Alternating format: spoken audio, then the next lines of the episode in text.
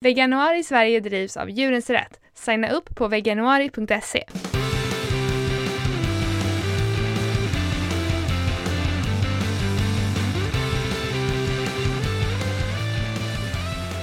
Hej, du lyssnar på Kvinnodjuren med mig Josefin. Och mig Lina. Varje dag i veganuari bjuder vi på tips för dig som vill testa att leva som vegan. Och idag ska vi prata om hur hälsosamt det är att vara vegan. Lina, vad tänker du om hälsa och vegan veganism? Alltså jag tänker att det är en väldigt laddad, ett väldigt laddat ord, både för mig personligen och sen i, i liksom samhället i stort. Mm. Um, men jag tänker så här, om jag ska försöka svara på frågan, är det hälsosamt att vara vegan? Eh, ja och nej. Alltså det beror helt på vad du äter för någonting. Precis som mm. om du äter kött. Eh, I och för sig så skulle jag väl säga att det är lite mindre hälsosamt då. Men eh, beroende på vad du äter i stort så kan du antingen äta hälsosamt eller inte. Och sen är det, beror helt på vad, hur du definierar vad hälsa är för någonting. För hälsa kan ju vara någonting helt annat för dig än vad det är för mig till exempel. Ja, och hälsa är inte lika med smalhet eller, liksom, det, det, eller så som eh, många tidningar och så eh, vill visa det på. Eh, nej. Och, det, det, och det, ja, nej, vi, nej, vi tycker ju verkligen inte det. Eh, och, och veganism och att vara vegan är ju verkligen inte lika med att vara smal heller. Ehm, så det är ju verkligen inte det vi vill prata om i det här avsnittet.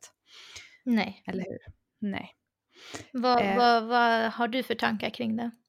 Jo, nej men jag tänker bara så här, alltså precis som du sa. Men jag menar, man kan vara en jätteohälsosam vegan och leva på Oreos och grillchips och, eh, och färdiga liksom, fryspizzor mm. eh, och bara dricka läsk hela dagarna. Eller så kan man ju vara superduper raw food vegan och bara tänka supermycket på att äta dunderhälsosamt. Och sen så kan man vara någonting mittemellan.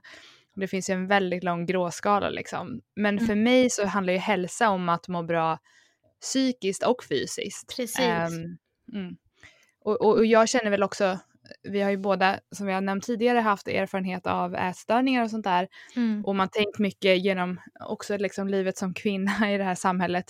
Man har tänkt mycket på vad man äter, vad man ska äta, vad man inte ska äta, hur man ser ut och så.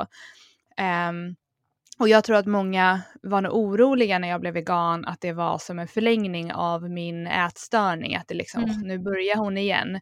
Nu ska hon hålla på och kontrollera vad hon äter och inte mm. äter och sådär.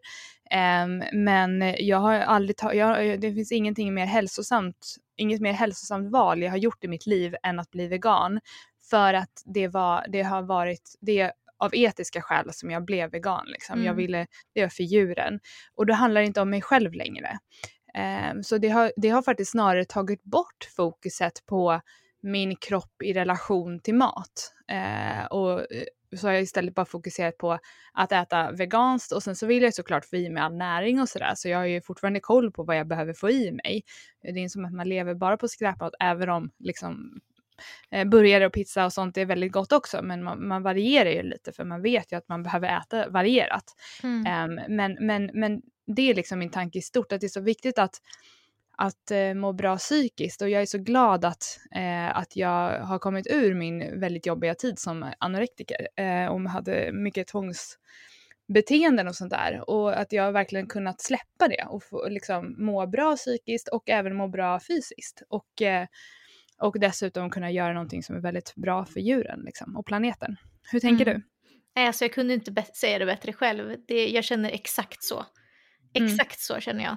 Eh, och för mig så är liksom hälsa, just för att jag kommer, precis som du, från ätstörningsträsket eh, eller vad man ska säga, så mm. är hälsa för mig två saker.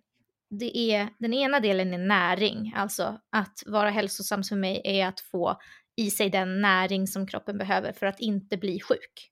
Mm, eh, mm. Och sen är den andra delen det psykiska, alltså hel, he, att det är hälsosamt för mig att äta Oreos för att, att tvinga mig att inte äta det är inte hälsosamt. Hänger Precis. du med? Mm. Ja, ja men, alltså 100 procent. Mm. ja, om, jag, jag, om jag tittar på någonting och så tänker jag så här, eh, det, det, är en sak om jag ibland välja mellan två olika smörsorter och den ena har palmolja. Då, här, mm. då kan jag välja, om jag tar den utan palmolja för att det är bättre för planeten. Mm. Men om jag står typ och så här väljer mellan två olika kakor eller det så här, och någonting är lite alltså så här, eh, enligt normen hälsosammare, då så kan jag bli att jag hellre tar den som är liksom eh, enligt normen. Min, ja, men, ja, men bara den godaste och, försöka, och liksom bara välja bort det.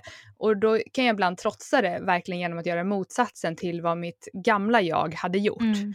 Um, och det tycker, och det, så det blir bara kul att göra det så. Men jag håller med dig verkligen till 100% det där um, som du sa. Mm. Mm. Men sen så, det som jag sa i början, det här med att eh, jag anser ju inte att, eh, eller det är inte bara jag som anser, forskning anser att eh, eh, kött, speciellt eh, rött kött, är ju inte mm. hälsosamt för att det, det bidrar ju till en massa sjukdomar, bland annat hjärt och kärlsjukdomar och eh, cancer och, och, diabetes och sånt där. Mm. Um, och det är ju för mig uh, ytterligare en, en uh, anledning att, att vara vegan. Att, det är en bonus för mig för att det är inte det, är inte det första, liksom det primära för mig. Det är ju etik, alltså etik, etiska frågor.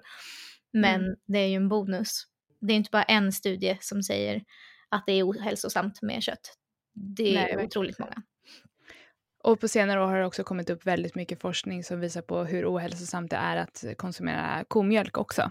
Mm. Eh, och ost och sånt. Eh, så det är ju liksom alla animalier som är, och det, det, är ju mycket det här animaliska fettet som är så skadligt mm. för oss. Yeah.